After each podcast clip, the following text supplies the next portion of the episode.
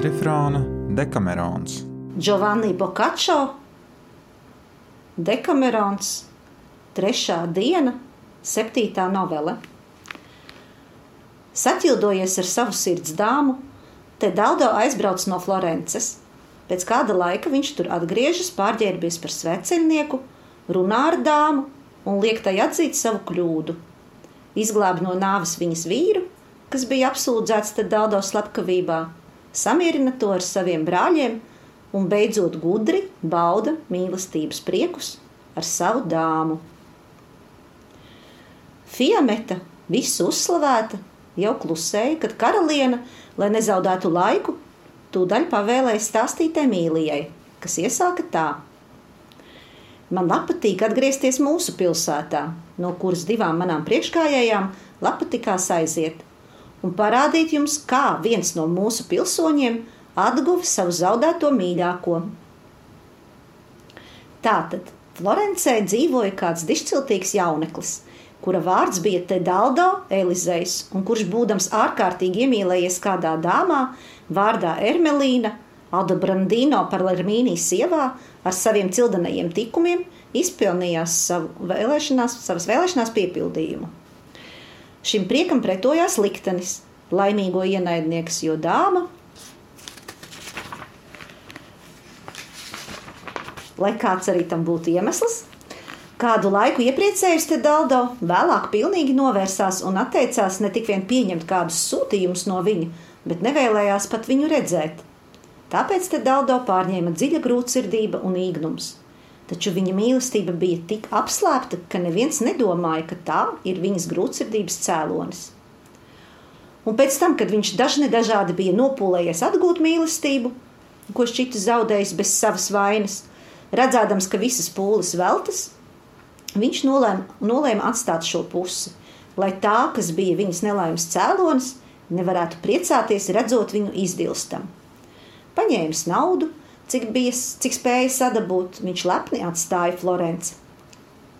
Slepe, viņš slepeni atstāja Florenci, neteikdams neviena vārda ne draugiem, ne radiniekiem, izņemot kādu tuvu draugu, kas zināja visu un nonāca Ankonā devādams sevi par Filipo di San Lodečo.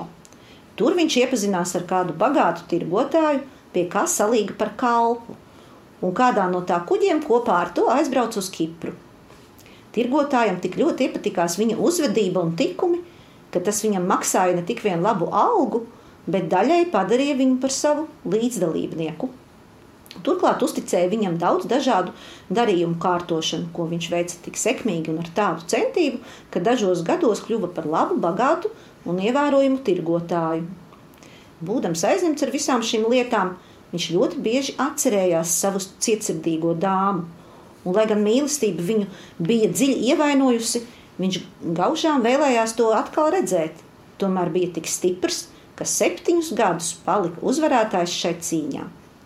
Bet tad atgadījās, ka kādu dienu viņš dzirdēja Kiprā dziedam dziesmu, kuru pats kādreiz bija sacerējis, un kurā bija apdziedāta mīlestība, ar kādu viņš mīlēja savu dāmu un tā viņu, kā arī prieks, ko viņš no tās bija guvis. Un tāpēc, iedomādamies, ka nevarētu būt, ka tā viņu aizmirsusi, viņš iedegās tādās ilgās to atkal redzēt, ka nevarēdams vairāk izturēt, nolēma atgriezties Florencē. Nokārtojis visas savas veikala lietas, viņš devās vienīgi uz, ar savu kalpotāju uz Ankonu. Un, kad tur pienāca visa viņa manta, viņš nosūtīja to uz Florenci kādam sava Ankonas biedra draugam, un pats pēc tam kopā ar savu kalpu slepeni tur atgriezās sveceļotāju drēbēs, it kā nāktu no svētā kapa.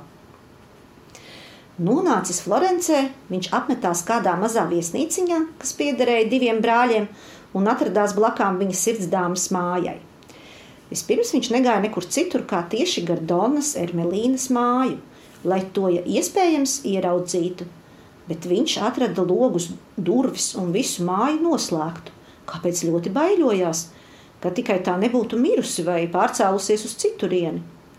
Un tā nu stipri domīgs viņš devās uz savu brāļu māju, kuras priekšā ieraudzīja savus četrus brāļus, visus sēru drēbēs, par ko viņš pagalam brīnījās.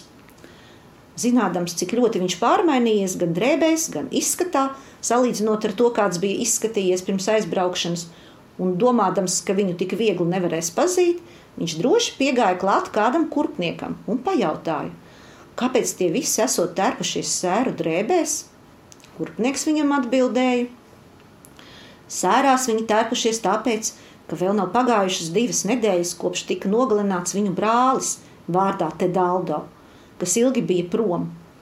Un, ja es nemaldos, es dzirdēju, ka viņi tiesā liecinājuši, it kā Alda Brandīno Palermīni, kas tagad ir apcietināts, nogalējis Tedaldo, tāpēc, ka viņš mīlējis šā sievu un nepazīts atgriezies, lai pabūtu ar to. Tedaldo bija pārlieku pārsteigts, ka kāds viņam tik ļoti līdzinājies, ka ticis noturēts par viņu un nožēloja Alda Brandīno nelaimi un uzzinājis, ka dāma sveika un vesela, tā kā bija jau nakts, viņš visdažādāko domu pilns atgriezās viesnīcā, kur pēc tam, kad kopā ar savu kalpu bija paēdis vakariņas, viņam tika ierādīta guļvieta gandrīz pašā augšējā stāvā. Un šeit vai nu daudzās domas, kas viņam nedeva miera, vai cietā gulta, vai varbūt liesās vakariņas bija tam par iemeslu, viņš kā vienmēr vēl vienmēr nevarēja iemigt, lai gan bija pagājusi jau puse no nakts. Un tā nu nomodā esot, viņam ap pusnakti likās, ka dzird vairākus cilvēkus no jumta ielienam mājā. Un pēc tam, pa savas istabas durvju spraugu, viņš redzēja kādu gaismu no lejas tuvojamies. Tāpēc, klusu pieplacis pie spraugas, viņš sāka vērot, ko tas varētu nozīmēt, un ieraudzīja kādu jaunavu, ļoti skaistu, Turam rokā sveci un pretī tai nākam trīs vīriešus, kas šeit bija iekļuvuši no jumta. Pēc draudzīgas apsveicināšanās viens no vīriešiem teica jaunavai: Tagad, paldies Dievam, mēs varam būt pavisam mierīgi, jo skaidri zinām, ka te Daldo Elizeja nāvē viņa brāļi apsūdzējuši Aldo Brandino Palermīni, kas atzinies un spriedums jau parakstīts.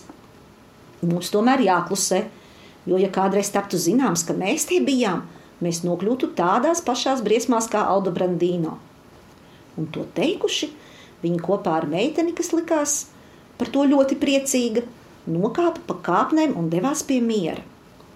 To dzirdējis, te Daldo sāka pārdomāt, kādi un cik lieli dažkārt ir maldi, kas spēj pārņemt cilvēku prātus – Vispirms domādams par saviem brāļiem, kuri bija apraudājuši un apbedījuši kādu svešinieku viņa vietā, un pēc tam uz maldīgu aizdomu pamata apsūdzējuši nevainīgu un ar nepatiesām liecībām noveduši to līdz nāvei. Tad viņš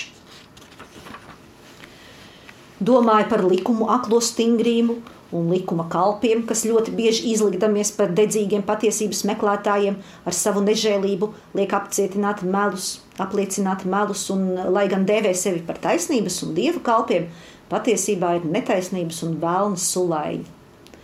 Pēc tam viņš sāka domāt par Aldo Brandīno glābšanu un pie sevis nolēma, kas viņam darāms.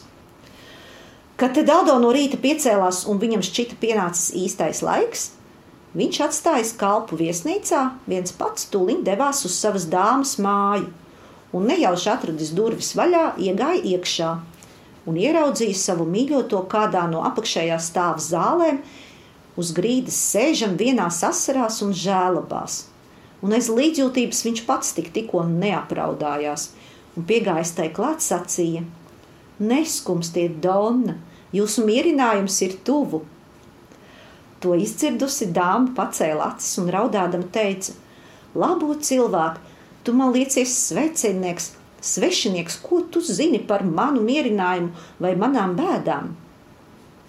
Tad svecinieks atbildēja: Cienījamā Donna, es esmu no Konstantinopolis un tikko šeit ieradies Dieva sūtīts, lai pārvērstu jūsu asaras smaidos un izglābtu jūsu vīru no nāves. Ja tu esi no Konstantinopolis, sacīja dāma, un tikko šeit ieradies, kā tu zini, kas ir mans vīrs un es? Svētceļnieks no sākuma līdz galam izstāstīja visu Aldo Brandīno bēdu stāstu un teica, kas viņa tāda, cik ilgi precējusies un daudz ko citu, kas tam bija labi zināms no viņa pagātnes. Dāma ļoti brīnījās par to un uzskatīdama svešo par pravieti, nokrita ceļos pie tā kājām un lūdza dieva dēļ pasteigties, ja tas nācis, lai glābtu Aldu Brandīno, jo laika esot atlicis pavisam maz. Svētceļnieks izlikdamies par to par ļoti svētu vīru, teica: Kundze, piecelieties, neraudiet un klausieties labi uzmanīgi, ko es jums teikšu, un sargieties to jebkad kādam stāstīt. Kā Dievs man atklāja, nelaime, kas pār jums nākusi, jums uzsūtīta kāda grēka dēļ, kuru jūs izdarījāt ļoti sen, un no kura tas kungs ir gribējis jūs daļēji šķīstīt caur šīm bēdām. Un viņš vēlas, lai jūs to pilnīgi izpirktu, citādi jūs nokļūtu vēl lielākā nelaimē. Tad dāma sacīja: Mans kungs, man ir daudz grēku, un es nezinu, kuru no tiem Dievs visvairāk grib, lai es izpērku. Un tāpēc, ja jūs zināt, kas tas par grēku, pasakiet man, un es darīšu visu, ko varēšu, lai to izpirktu. Kundze, sacīja svēceļnieks, es gluži labi zinu, kas tas par grēku, un jums par to jautāju nevis tālāk, lai uzzinātu vairāk nekā man jau zināms, bet gan tālāk, lai jums pašai par to stāstot būtu lielāki sirdsapziņas pārmetumi. Taču ķersimies pie lietas. Sakiet man, ja jūs atceraties, vai jums kādreiz ir bijis mīļākais? To izdzirdusi dāma dziļi nopūtās un ļoti izbrīnījās, nedomādama, ka kāds jebkad par to būtu zinājis. Lai gan kopš tās dienas, kad bija nogalināts cilvēks, ko apbedīja kā te Daldo, pilsētā mazliet par to runāja. Dažu neuzmanīgu te Daldo drauga vārdu dēļ, kurš visu zināja, un tāpēc viņa atbildēja. Es redzu, ka Dievs jums atklāja visus cilvēku noslēpumus, un tā labi es esmu nolēmusi neslēpt jums savus. Tas ir taisnība, ka jaunībā es ļoti mīlēju šo nelaimīgo jaunekli, kura nāvē apvaino manu vīru un kura nāvi es esmu tik gauži apraudājusi, un tā man vēl tagad sāpina. Un lai arī cik cietsirdīgi un nelaipni es izturējos pirm, pret viņu pirms aizbraukšanas, tomēr nedz viņa aizbraukšana, nedz ilgā prombūtne, nedz arī nelaimīgā nāve nespēja viņu izraut no manas sirds. Uz to svētceļotājs sacīja: Nelaimīgo jaunekli, kas nomira, jūs nekad nesat mīlējusi, bet gan te Daldo Elizeju. Taču sakiet man, kāda iemesla dēļ jūs uz viņu sadusmojāties? Vai viņš jūs kādreiz apvainoja? Uz to dāma atbildēja: Protams, viņš mani nekad nav apvainojis, bet manu dusmu cēlonis bija kāda nolādēta mūka vārdi, kuram es reiz izsūdzēju grēkus. Jo, kad es tam izstāstīju par savu mīlestību, ar kādu es mīlēju te Daldo un mūsu tuvību, šis man tā uzkliedza, ka vēl tagad bailes mani māca. Un sacīja, ja es te Daldo neatstāšot, tad nonākšot vēlna rīklē, visdziļākajā ellē un tikšot spīdzināta pekles ugunīs. Un tāpēc es tik ļoti nobijos, ka nolēmu ar te Daldo vairs nesatikties. Un, lai mums nebūtu iegansa satikties, es negribēju vairs pieņemt ne viņa vēstules, ne sūtījumus. Un tomēr es domāju, ja viņš būtu bijis neatlaidīgāks un nebūtu aizgājis izmisis, kā man šķiet, tad es redzēdama viņu dilstam, kā sniegu saules staros, būtu atsacījusies no savas stingrās apņemšanās, jo man nebija lielākas vēlēšanās pasaulē, kā būt kopā ar viņu. Tad svētceļotājs teica: kundze, tas ir vienīgais grēks, kas jūs tagad moka. Es esmu pārliecināts, ka te Daldo jūs nekādā veidā nepiespieda. Kad jūs viņā iemīlējāties, tas notika ar jūsu pašas gribu, jo viņš jums patika. Un kā jūs pati vēlējāties, viņš nāca pie jums un baudīja jūsu draudzību, kurā jūs viņam izrādījāt tik daudz laipnības, kā vārdos, tā darbos, ka, lai gan viņš jūs jau agrāk mīlēja, jūs padarījāt viņa mīlestību vēl tūkstoškārt lielāku. Ja tas tā bija, un es zinu, ka tā bija, kāds iemesls jūs varēja pamudināt tik cietsirdīgi no viņa novērsties? Jums iepriekš vajadzēja par to padomāt, un ja jums šķita, ka jums to nāksies nožēlot kā nepareizu soli, tā nedarīt. Jo tāpat kā viņš kļuva jūsu, jūs kļuvāt viņa un varējāt rīkoties ar viņu pēc savas patikas, kā ar savu īpašumu un atņemot viņam sevi, kas piederējāt viņam, jūs izdarījāt zādzību. Tā bija nepiedienīga rīcība, ja viņš to nevēlējās. Jums jāzina, ka es esmu mūks, un tāpēc pazīstu visas mūku paražas, Un, ja es jūsu labā runāju par tām mazliet plašāk, tad eh, man tas tā pieklājas vairāk nekā jebkuram citam. Un es gribu par tām parunāt, lai jūs viņus turpmāk pazītu labāk nekā līdz šim. Kādreiz mūki patiesi bija ļoti svēti un cienījami vīri, bet tiem, kas šodien saucas par mūkiem un vēlas, lai viņus par tādiem uzskata, ar agrākajiem svētajiem brāļiem nav nekā kopīga, izņemot apģērbu, un arī tas nav īsts, jo mūku ordeņa dibinātāji to pavēlēja šūt šauru, nabadzīgu un no rupjas drēbes, lai pierādītu, ka viņi arī dvēselē nicina laicīgās lietas, ja apset savu miesu ar tik nicināmām drānām. Tagadējie mūki savu ģērbu darina platu, divkāršu, spožu un no vissmalkākā auduma, šūdinot to līdzīgu bīskapa tērpam, un nekautrējās dižoties ar to baznīcās un laukumos gluži kā laicīgie ar savām drēbēm. Un tāpat kā zvejnieks ar savu tīklu cenšas noķert upē daudz zivju ar vienu vilcienu, tā viņi savā platā tērpa krokās cenšas ietīt daudzas svētules, atraitnes un daudz citu muļķa sieviešu un vīriešu Un tās ir viņu vislielākās rūpes, kam viņa veltīja vairāk pūļu nekā citām nodarbībām. Un tāpēc patiesību sakot, viņiem nav vairs, nav vairs mūka tērpa, bet ir palikusi vienīgi šā tērpa krāsa. Un, ja agrākie mūki tiecās pēc cilvēku pestīšanas, tagadējie tiecas pēc sievietēm un bagātības. Un viņi ir veltījuši un veltīja visas savas pūles, lai ar kliekšanu un briesmu attēlojumiem iebaidītu muļķus un parādītu tiem, ka ar žēlstības dāvanām un mesu lasīšanu grēki tiek piedoti. Lai viņiem, kas, kļu, lai viņiem, kas kļuvuši par mūkiem tikai ar savu zemiskumu un vairoties no darba, nevis aiz dievbijības, vieni nestu maizi, otri sūtītu vīnu, trešie sarīkotu mīlestību, pie, pieminot savus aizgājēju dvēseles. Protams, ir pareizi, ka žēlastības dāvans un lūkšanas izpērk grēkus, taču, ja tie, kuri dod šīs žēlastības dāvanas, redzētu, vai zinātu, kam viņi cenšas tās dot, viņi drīzāk tās paturētu sev vai tikpat labi nomestu cūkām priekšā. Un tā kā mūki zina, jo mazāk īpašnieku kādai lielai bagātībai, jo lielāka labklājība, tad katrs cenšas ar kliedzieniem un iebiedēšanu atvairīt citus no tā, ko viens pats gribētu paturēt sev. Viņi pārmet vīriešiem saltkāri, lai norādītie no tās atteiktos un sievietes paliktu pašiem rājējiem, Viņi nosoda augļošanu ar negodīgu peļņu, lai pēc tam, kad tā dota viņiem, varētu sev uzšūt platākus tērpus, iegūt biskupu un citu augstāku prelātu amatus par tiem pašiem līdzekļiem, kam, kā viņi cenšas pierādīt, vajadzētu pazudināt katru, kurš tos patur.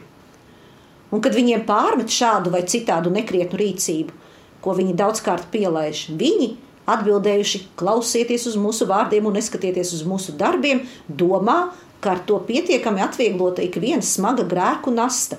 Itin kā kad avīm būtu vieglāk būt nelokāmām un cietām kā dzelzī, nekā ganiem. Un cik daudz ir tādu, kam viņi dod šādu atbildi, bet kas to nesaprot tādā nozīmē, kā viņi to saka, ir zināms lielākajai daļai no viņiem. Tagadējie mūki vēlas, lai jūs darītu to, ko viņi saka. Tas ir, lai jūs piepildītu viņu makus ar naudu, uzticētu viņiem savus noslēpumus, saglabātu šķīstību, būtu pacietīgi, piedotu apvainojumus, izsargātos no mēlnesības, visas labas, godīgas un svētas lietas. Bet kā labi viņi uz to mudina, lai paši varētu darīt to, ko nevarētu darīt tad, ja laicīgie to darītu. Kas gan nezina, ka bez naudas viņu dīkā dzīve nevarētu turpināties? Ja tu tērēsi naudu saviem priekiem, mūks nevarēs slinkot savā klosterī. Ja tu sāksi lenkt sievietes, nebūs vietas mūkam. Ja tu nebūsi lēmprātīgs un nepiedosi pārstības, mūks neuzdrošināsies ienākt tavā namā, lai apgānītu tavu ģimeni. Taču kāpēc pievērsties katram sīkumam? Viņi paši sevi apsūdz ik reiz, kad mēģina taisnoties saprātīgu ļaužu priekšā. Kāpēc viņi nepaliek savā mājā, ja domā, ka nespēs būt atturīgi un svēti? Un, ja nu viņi grib tā dzīvot, kāpēc viņi nesako šim otram svētā evaņģēlīja vārdam, Kristus sāka darīt un tad mācīt? Lai arī viņi vispirms dara, liek iekams māca citus. Savā mūžā es esmu redzējis tūkstošiem mūku, kas pielūdz, mīl un apmeklē ne tikai laicīgās sievietes, bet arī mūķenes. Un tieši viņi ir tie, kas skaļāk par visiem kliedz no kanceles. Vai tiešām mēs tādiem sekosim? Kas to dara, lai dara, ja grib? Bet Dievs viens zina, vai viņš dara saprātīgi. Pieņemsim, ka šai ziņā mūkam, kas jums uzkliedza, ir taisnība, un lauz, laulības zvērstu ir ļoti smags grēks. Bet vai vēl, nav vēl smagāks grēks apzakt cilvēku, vai nav vēl smagāks grēks to nogalināt, izdzīt trimdā, lai tas klimtu pa pasauli? Katrs to atzīs. Tuvas attiecības starp vīrieti un sievieti ir dabisks grēks bet aplaupīšana, nogalināšana un padzīšana ceļas no ļaunprātības. Ka jūs aplaupījāt te Daldo, atņemot viņam sevi, kas aiz brīvas gribas bijāt viņam atdevusies, to es jums jau agrāk pierādīju. Un tālāk man jāsaka, ka jūs viņu nogalinājāt, par cik tas bija jūsu varā, jo tā vairs nav jūsu daļa, ja viņš, redzēdams, ka jūs kļūstat ar vien cietsirdīgāka, nenogalināja sevi ar paša rokām. Un pēc likuma tas, kurš, ļau, kurš ir ļaunuma cēlonis, ir tikpat vainīgs kā tas, kas kaut ko ļaunu izdara. Un nevar noliegt, ka jūs bijāt par cēloni viņa trimdai un klimšanai pa pasauli veselus septiņus gadus. Tā jūs ar katru no šīm trim minētajām rīcībām esat izdarījusi daudz lielāku grēku, nekā būtu izdarījusi paliekot ar viņu tuvā draudzībā. Bet palūkosimies, varbūt te Daldo to visur pelnījis? Protams, nē. Jūs jau pati to atzināt. Un turklāt es zinu, ka viņš jūs mīlēja vairāk par sevi pašu. Nevienu viņš jebkad tā nav slavējis, cildinājis un godājis vairāk par visām citām sievietēm kā jūs, ja viņš atradās tādā vietā, kur ar cieņu un nemodinot aizdomas varēja par jums runāt. Visu savu mantu, savu godu un savu brīvību viņš bija nodevis jūsu rokās. Vai viņš nebija izciltīgs jauneklis, vai viņš nebija skaistulis citu pilsoņu vidū, Vai viņš nebija drošsirdīgs visādā ziņā, kā tas jaunekļiem piederas? Vai viņu nemīlēja un necienīja, vai visi viņu labprāt nevēlējās redzēt?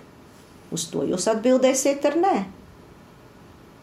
Tātad, kā jūs varējāt kāda muļķīga, rupja un skaudīga mūka pļāpāšanas dēļ pieņemt tik cietsirdīgu lēmumu pret viņu?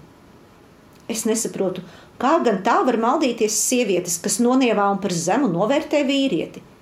Jo ja, viņas, jo, ja tikai viņas padomātu par to, kas viņas pašas ir, kā arī par to, ar cik lielu un kādu dišciltību Dievs apveltījis vīrieti, salīdzinot ar citiem radījumiem, tad viņām vajadzētu lepoties, ja kāds viņas mīl, un sevišķi to cienīt un visiem spēkiem censties tam izdabāt, lai tas nekad nepārstātu mīlēt. Ko jūs izdarījāt šā mūka vārdu pamudināta, kurš droši vien arī bija kāds liekēdis un kārumnieks? To jūs labi zināt. Un varbūt viņš pats eh, nevēlējās ieņemt to vietu, no kuras pūlējās izdzīt citu. Tā tad tas ir grēks, ko dievišķā tiesa, kur ar taisnīgiem svariem izsver visus darbus, negribēja atstāt nesodītu. Un tāpat kā jums nebija iemesla censties atņemt sevi te daldo, tā jūsu vīram nekad nav bijis, un arī tagad nav iemesla te daldo dēļ atrasties briesmās un jums bēdās. Ja jūs gribat atbrīvoties no tām, jums man kas jāapsola, un vēl jau vairāk jāizpilda. Un proti, ja kādreiz notiktu, kad Edaldo atgrieztos uz šejieni no savas ilgās trimdas, un jums atkal jābūt, jums atkal jābūt pret viņu laipnai un draudzīgai. Jāpiešķir viņam sava mīlestība un labvēlība, un atkal jāieceļ viņš tai godā, kādā atradās pirms jūs tik aplami noticējāt nejēgam mūkam. Svētceļnieks jau bija beidzis runāt, kad dāma, kas visu laiku bija klausījusies ļoti uzmanīgi, jo svešinieka pierādījumi viņai šķita patiešām patiesi, un viņa bija pārliecināta, ka šīs bēdas viņai noteikti uzsūtītas tā grēka dēļ, par kuru mūks runāja sacīja.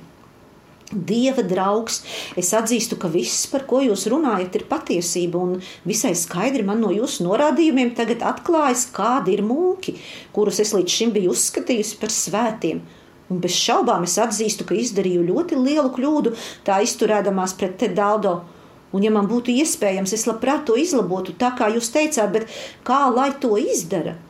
Te Daldo nekad vairs šurp nevar atgriezties, viņš ir mīris. Un tāpēc es nesaprotu, kāpēc man jums jāapsola tas, ko nevar izpildīt. Uz to svētceļotājs sacīja: Daļā Donna, te Daldo nemaz nav mīris, kā man Dievs atklāja, bet dzīves un vesels un viņam klātos pavisam labi, ja vien viņš atgūtu jūsu labvēlību. Tad dāma teica: Klausieties, ko jūs runājat? Es viņu redzēju savu durvju priekšā mirušu no vairākiem naža dūrieniem. Turēju viņu savās rokās un gaužām asarām slacīju viņa nedzīvo seju, un tas varbūt bija iemesls, kāpēc vēlāk par to negodīgā kārtā tik daudz tenkoja. Tāds vecļotājs sacīja, kundze, lai ko jūs arī teiktu, es jums apgalvoju, ka te Daldo ir dzīves. Un, ja jūs gribat dot šo solījumu un to izpildīt, es ceru, ka jūs viņu drīz redzēsiet. Tad dāma sacīja: To es daru un darīšu labprāt. Nekas cits man nevarētu sagādāt tādu prieku, kādu es izjustu atkal redzot savu vīru brīvu un veselu un te daldo dzīvu. Tad nu daudo izlikās, likās, ka pienācis laiks sevi atklāt un nomierināt dāmu ar drošākām cerībām par tās vīra atbrīvošanu, un viņš teica – Dārgā Donna, lai jūs būtu mierīga par sava vīra likteni, man jums jāatklāj kāds noslēpums, kas jums būs jāglabā visu mūžu, un jūs nekad nevienam to nedrīkstēsiet atklāt. Viņi atradās vieni kādā attālā telpā, jo dāma pilnīgi uzticējās dievbijībai, kāda pēc viņas domām piemita svētceļniekam. Tāpēc te Daldo izvilka gradzenu ko bija glabājis ar visā, vislielāko rūpību, un ko dāma viņam bija iedāvājusi pēdējā naktī, kad viņš bija ar to kopā. Un rādīdams to dāmai, jautāja: Kundze, vai jūs šo pazīstat? Tikko dāma ieraudzīja gradzenu, viņa tūlīt to pazina un teica: Jā, mans kungs, es to kādreiz iedāvāju te Daldo. Tad svētceļnieks piecēlās kājās un aši nometis no pleciem apmetni un no galvas cepuri, skaidrā florenciešu valodā sacīja: Un vai mani jūs pazīstat? Kad dāma redzēja un pazina, ka tas ir te Daldo, viņa pavisam apmulsa un viņu pārņēma bailes, kādas pārņem cilvēku, redzot mirušos staigājumu gluži kā dzīvus. Tāpēc dāma nesteidzās mīļotajam pretī, bet izbīlīgi gribēja no viņa aizbēgt, it kā te Daldo būtu atgriezies no kapa, nevis ieradies no Kipras. Te Daldo tai teica: Dārgā Donna, nebaidieties, es esmu jūsu te Daldo, dzīvs un vesels. Nekad neesmu bijis nec miris, nec nokauts, kā jūs un mani brāļi domājat. Kaut cik atguvusies, pazīdama viņa balsi un mazliet vairāk viņu aplūkojusi, Dona pārliecinājās, ka tas patiesi ir te Daldo, un raudādama met, metās viņam ap kaklu un skūpstīdama viņu sacīja: Mans dārgais, te Daldo, esi sveicināts pārnākot! Te Daldo noskūpstījis un apskāvis Donu teica: Kundzes sirsnīgākais sagaidīšanai pašreiz nav laika. Es gribu iet un parūpēties, lai Alda Brandīno jums tiktu atdots sveiks un vesels. Un ceru, ka vēl pirms rītvakara jūs dzirdēsiet jau, jaunas vēstis, kas jūs iepriecēs. Ja vēstis par viņu glābšanu, kā es ceru, būs labas, es šonakt gribu pie jums atnākt un pastāstīt jums tās mierīgākā garā, nekā es pašreiz to varētu. Atkal uzvilcis savu svecinieka mēteli un uzlicis kapuci, vēl otru reizi noskūpstījis dāmu un nomierinājis to ar labām cerībām, viņš aizgāja no tās un devās uz cietumu, kur atradās Aldu Brandīno, kas vairāk domāja par gaidāmās nāves šausmām nekā cerēja uz atbrīvošanu. Te Dādo iegāja pie viņa kā mierinātājs ar cietumu uzraugu atļauju un apsēdies viņam blakām teica: Aldo Brandīno, es esmu viens no taviem draugiem, ko Dievs, iežēlodamies par tevi nevainīgu, sūtīs, lai tevi glābtu. Tāpēc, ja tu aiz godības pret viņu gribētu man dāvināt nelielu laipnību, kādu es tev prasīšu, tad katrā ziņā vēl pirms rītvakara tu gaidītā nāves sprieduma vietā dzirdēsi spriedumu par attaisnošanu. Uz to Alda Brandino atbildēja: Cienījamo cilvēku, tā kā tu rūpējies par manu glābšanu, tev jābūt manam draugam, kā tu to arī saki, lai gan es tevis nepazīstu un neatceros tevi jebkad redzējis. Patiesībā es nekad neesmu izdarījis noziegumu, kura dēļ, kā runā, man jātop notiesātam uz nāvi. Es esmu gan izdarījis daudz citu grēku, kas varbūt mani tik tālu noveduši, Bet es tev saku, piesaucot Dievu, ja Viņš tagad par mani apžēlosies, es labprāt esmu gatavs ne tikai apsolīt, bet arī izdarīt kaut ko lielu, ne tikai mazu, un tāpēc prasi, ko gribi. Un es katrā ziņā, ja notiks tā, ka es izglābšos, noteikti visu izpildīšu. Tad svētceļnieks sacīja: Es negribu neko citu, kā vienīgi to, lai tu piedotu četriem te daudo brāļiem, kuri tevi noveduši tik tālu, domādami, ka tu esi vainīgs viņu brāļu nāvē, un lai tu viņus uzņemtu kā brāļus un draugus, ja viņi tev lūgtu piedošanu. Uz to Alda Brandīna atbildēja: Tikai tas, kam pāri nodarīts, zina, cik atriebība ir salda un cik dedzīgi pēc tās var ilgoties. Taču, ja Dievs vēlētos mani glābt, Es labprāt viņiem piedošu, un jau tagad piedodu. Un, ja es no šejienes iziešu sveiks un vesels, es visu izdarīšu tev paprātā. Sveciniekam atbildi patika, un nevēlēdamies viņam neko vairāk teikt, tas ļoti lūdza viņus nezaudēt drosmi, viņu nezaudēt drosmi, jo noteikti vēl pirms beigšoties nākamā diena viņš saņemšot pavisam drošas vēstis par savu glābšanu. Aizgājis no viņa, te Dādo devās uz signoriju, un kādam augstmanim, kas todien bija signora vietā, slepus sacīja tā: Manu signoru, ikvienam pilsonim visiem spēkiem jāpūlas, lai atklātos lietu patiesība, un it īpaši amata vīriem, kas atrodas tādā vietā kā jūs, ir jācenšas, lai nesaņemtu sodu tie, kas noziegumu nav izdarījuši, bet tiktu sodīti vainīgie.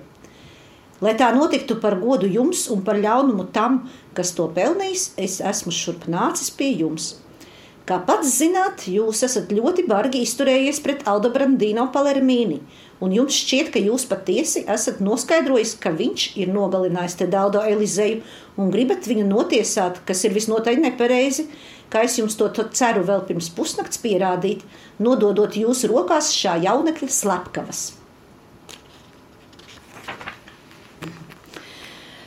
Cienījamais vīrs, kam Aldo Brandino bija ļoti žēl, labprāt uzklausījis vecēnieku vārdus, un kad te Daldo tam daudz ko bija izstāstījis par šo lietu, tas pēc Daldo norādījuma lika saņemt ciet abus brāļus viesnīcniekus un viņu kalpu, kamēr viņi gulēja pirmajā miegā un nepaguva pretoties.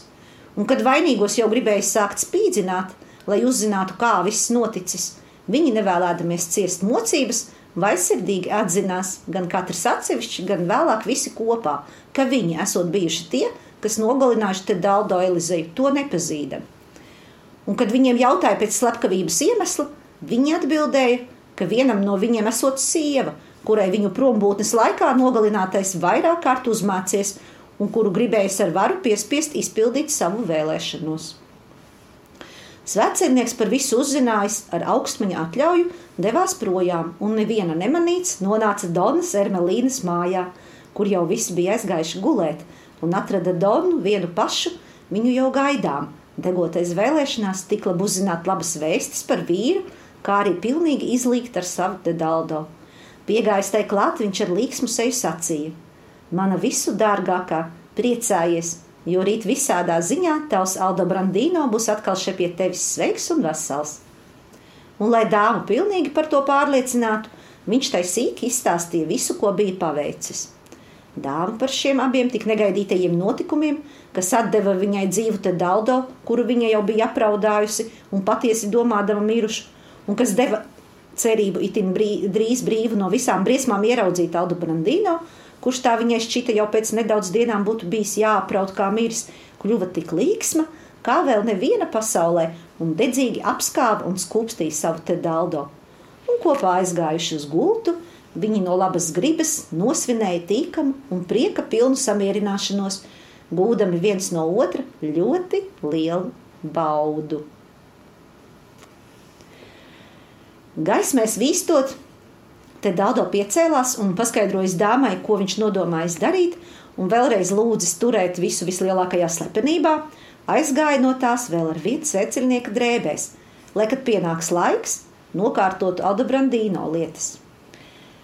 Kad pienāca rīts, signorijas ierēģi, domādami, ka tagad nu šis notikums ir pilnīgi noskaidrots, nekavējoties atbrīvoja Aldobrandīno un pēc dažām dienām lika nocirst galvas ļaundariem tai vietā, kur bija izdarīta slepkavība. Kad nu Aldobrandino bija atbrīvots par lielu prieku sev pašam savai sievai, visiem saviem draugiem un radiniekiem, tas skaidri redzēdams, ka izglābies ar svecēnieka palīdzību, aizveda viņu uz savu māju un lūdza tur palikt tik ilgi, kamēr viņam lapa tiktos uzturēties šajā pilsētā. Un Aldo Brandino un visi tā tuvinieki nespēja vien pietiekami izrādīt viņam godu un laipnību, un it īpaši dāma, kurai labi zināja, kam viņa dāvās savu laipnību. Kad pēc dažām dienām te Daldo šķita pienācis laiks no jauna samierināt Aldo Brandino ar saviem brāļiem, kurus, kā viņš dzirdēja, Aldo Brandino atbrīvošana bija ne tik vien apkaunojusi, bet kuri pat eh, bija aiz bailēm apbruņojušies. Viņš prasīja, lai Aldo Brandino izpilda savu solījumu. Aldo Brandino tūlīt atbildēja, kā sūt ar mieru. Tad svētceinieks lika sarīkot nākošajā dienā lepnas dzīves – un viņš vēlējās, lai Aldo Brandino ar saviem radiniekiem un to sievām ieaicinātu dzīvēs viņa četrus brāļus ar sievām, piebilstams, ka viņš pats tūlīt došoties brāļus uzaicināt Aldo Brandino vārdā uz mīlestību un izlīkšanu. Kad Aldo Brandino piekrita visam, ko svecinieks vēlējās, svecinieks tūlīt devās pie saviem četriem brāļiem un pēc daudzām pārunām, kādas nepieciešamas tādos gadījumos, beidzot ar neapstrīdamiem pierādījumiem pilnīgi pārliecināja brāļus, ka tiem jāatgūst Aldo Brandino draudzība, izlūdzoties piedošanu. To izdarījis, viņš ielūdza brāļus un to sievas nākošajā rītā pie Alda Brandino uz pusdienām. Tie, uzticēdamies viņa vārdiem, labprāt pieņēma ielūgumu. Un tā nākošajā dienā, ap pusdienas laiku, vispirms četri te daudo brāļi, kā parasti sēru drānās ģērbušies, kopā ar dažiem draugiem ieradās Alda Brandino mājā kurš viņus jau gaidīja. Šeit viņi visu pārējo Aldu Brandīno viesu priekšā, kuri bija ielūgti, lai līdz ar viņiem piedalītos mīlestībā, nometa zemē ieročus un nodeva sevi Alda Brandīno rokās, lūgdami atdošanu par to, ko viņi tam bija nodarījuši. Raudādams, Aldo Brandīno viņus žēlīgi saņēma un noskūpstījis visus uz lūpām, nedaudz vārdos izsacīja atdošanu par visām tam nodarītajām pārstībām. Pēc tam nāca viņu māsas un sievas, visas sērās tērptas, un Donna Ermelīna un citas dāmas tās laipni saņēma. Tik labi vīriešus kā sievietes lieliski pamieloja, un mīlestībā visu varētu tikai slavēt, ja nebūtu šīs vispārējās klusēšanas, kam par iemeslu bija tikko pārdzīvotās bēdas, par kurām atgādināja te daudz radinieku tumšās drānas. Tāpēc daži nosodīja svecinieka nodomu rīkot šo mīlestību un viņam tas nepalika nepamanīts. Un kad nu viņam šķita pienācis laiks aizdzīt šo drūmumu, viņš, kā jau iepriekš bija nodomājis, piecēlās, kamēr pārējie vēl mielojās ar augļiem un sacīja: Nekā netrūkst, lai šo mīlestību padarītu priecīgu, kā vienīgi te daldo, kuru es jums gribu parādīt, lai gan viņš jau sen atrodas jūsu vidū, bet jūs viņu neesat pazinuši un nometis, ap, nometis apmetni un pārējās svecinieka drēbes, viņš palika zaļos zīdes vārkos, un visi viņu aplūkoja ar lielu, lielo izbrīnu, un pagāja ilgs laiks, kamēr tie bija gatavi noticēt, ka tas patiesi ir viņš. To redzēdams, te Daldo sāka stāstīt radiniekiem par notikumiem, kas atgadījušies to vidū, un par saviem pašu piedzīvojumiem. Tad brāļi un citi vīrieši, raudādami prieka asaras, steidzās viņu apskaut, un pēc tam to pašu darīja arī dāmas, gan svešās, gan radinieces, izņemot vienīgi Donu Ermelīnu. To redzēdams, Alda Brandīno jautāja: Ko tas nozīmē, Ermelīna? Kāpēc tu neapsveic te Daldo tāpat kā citas dāmas? Visiem dzirdot, Ermelīna viņam atbildēja: Šeit nav nevienas, kas būtu vēlējusies un vēlētos viņu apsveikt ar lielāku prieku nekā es, kas esmu viņam vairāk pateicības parādā nekā jebkura cita, jo ar viņa palīdzību es apguvu tevi. Atguvu tevi. Taču nekrietnās tankas, tais dienās, kad mēs apraudājām nogalināto, ko uzskatījām par te daudo, mani no tā attur. Uz to Alda Brandīno sacīja: Ej, nu, vai tu domā, ka es ticu šiem mēnešiem? Viņa rūpes par manu atbrīvošanu vien jau pietiekami labi pierāda, ka tie ir meli un turklāt es šīm baumām nekad neesmu ticējis. Aši celies, ej un apskauj viņu. Dāma, kas neko citu nevēlējās, nebija kūtra šai ziņā paklausīt vīram, tā piecēlās, un kā jau pārējās dāmas bija darījušas, apskāva viņu un priecīgi apsveica. Šī Alda Brandīna augstsirdība ļoti patika Tedaldo brāļiem un visiem signoriem un dāmām, kas tur bija klāt, un no īgnuma ko bija radījušas agrākās nevalodas, ļaužu prātos nepalika nemiņas. Tā nu, kad visi bija apsveikuši te daldo, viņš pats norāva sēru drēbes brāļiem, māsām un svainēm un vēlēja tiem atnest citas drēbes. Un, kad tie bija pārģērbušies, visi vēl ilgi dziedāja, dejoja un citādi uzjautrinājās. Tāpēc mīlestam, kur sākums bija kluss,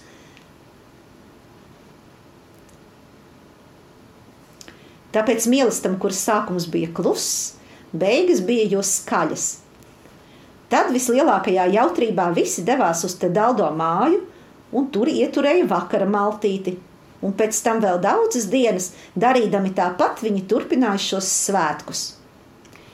Florencieši vairākas dienas skatījās uz Tedaldo gandrīz kā uz cilvēku, kas augšām cēlies no miroņiem, un kā uz brīnumu jo daudzi pat viņa brāļi savā prātā mazliet šaubījās, vai tas patiesi ir viņš vai nav.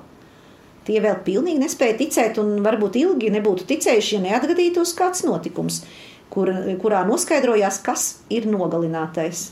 Un šis notikums bija tāds. Kādu dienu gar te Daldo māju gadījās iet kareiviem no Lunidžānas. Ieraudzījuši te Daldo, tie piegāja viņam klāt un sacīja: Es esmu sveicināts, Facilio! Brāļu klātbūtnē te daudotiem atteica: Jūs mani sajaucat ar kādu citu. Kad kareivi izdzirda viņu tā runājam, tie nokaunējās un lūgdami piedošanu teica: Patiešām mums nekad nav gadījies redzēt divus vienu otram tik līdzīgus cilvēkus. Tik ļoti jūs līdzināties kādam mūsu biedram vārdā Facilio no Pontremoli, kurš pirms divām nedēļām vai mazliet agrāk devās uz šejieni, un mēs nekad neesam varējuši pēc tam uzzināt, kas ar viņu noticis. Protams, mēs brīnījāmies par jūsu apģērbu, tāpēc, ka viņš tāpat kā mēs bija kareivis. Te Daldo vecākais brālis to dzirdēdams iznāca priekšā un jautāja, kā bija ģērbies šis Facilio. Tie viņam pastāstīja un izrādījās, ka nogalinātais bijis apģērbts tieši tā, kā kareivi teica. Un tā gan pēc šīs, gan pēc citām pazīmēm noskaidrojās, ka nogalinātais bijis Facīlio un nevis Tedaldo. Un no šā brīža brāļu un ikviena cita šaubas izzuda. Un tā nu Tedaldo, kam bija, kas bija atgriezies mājās, ļoti bagāts, joprojām mīlēja savu dāmu, un tā kā dāma vairs uz viņu nedusmojās, tad piesardzīgi rīkodamies, viņi abi ilgi baudīja savu mīlestību lai Dievs dod mums izbaudīt mūsējo.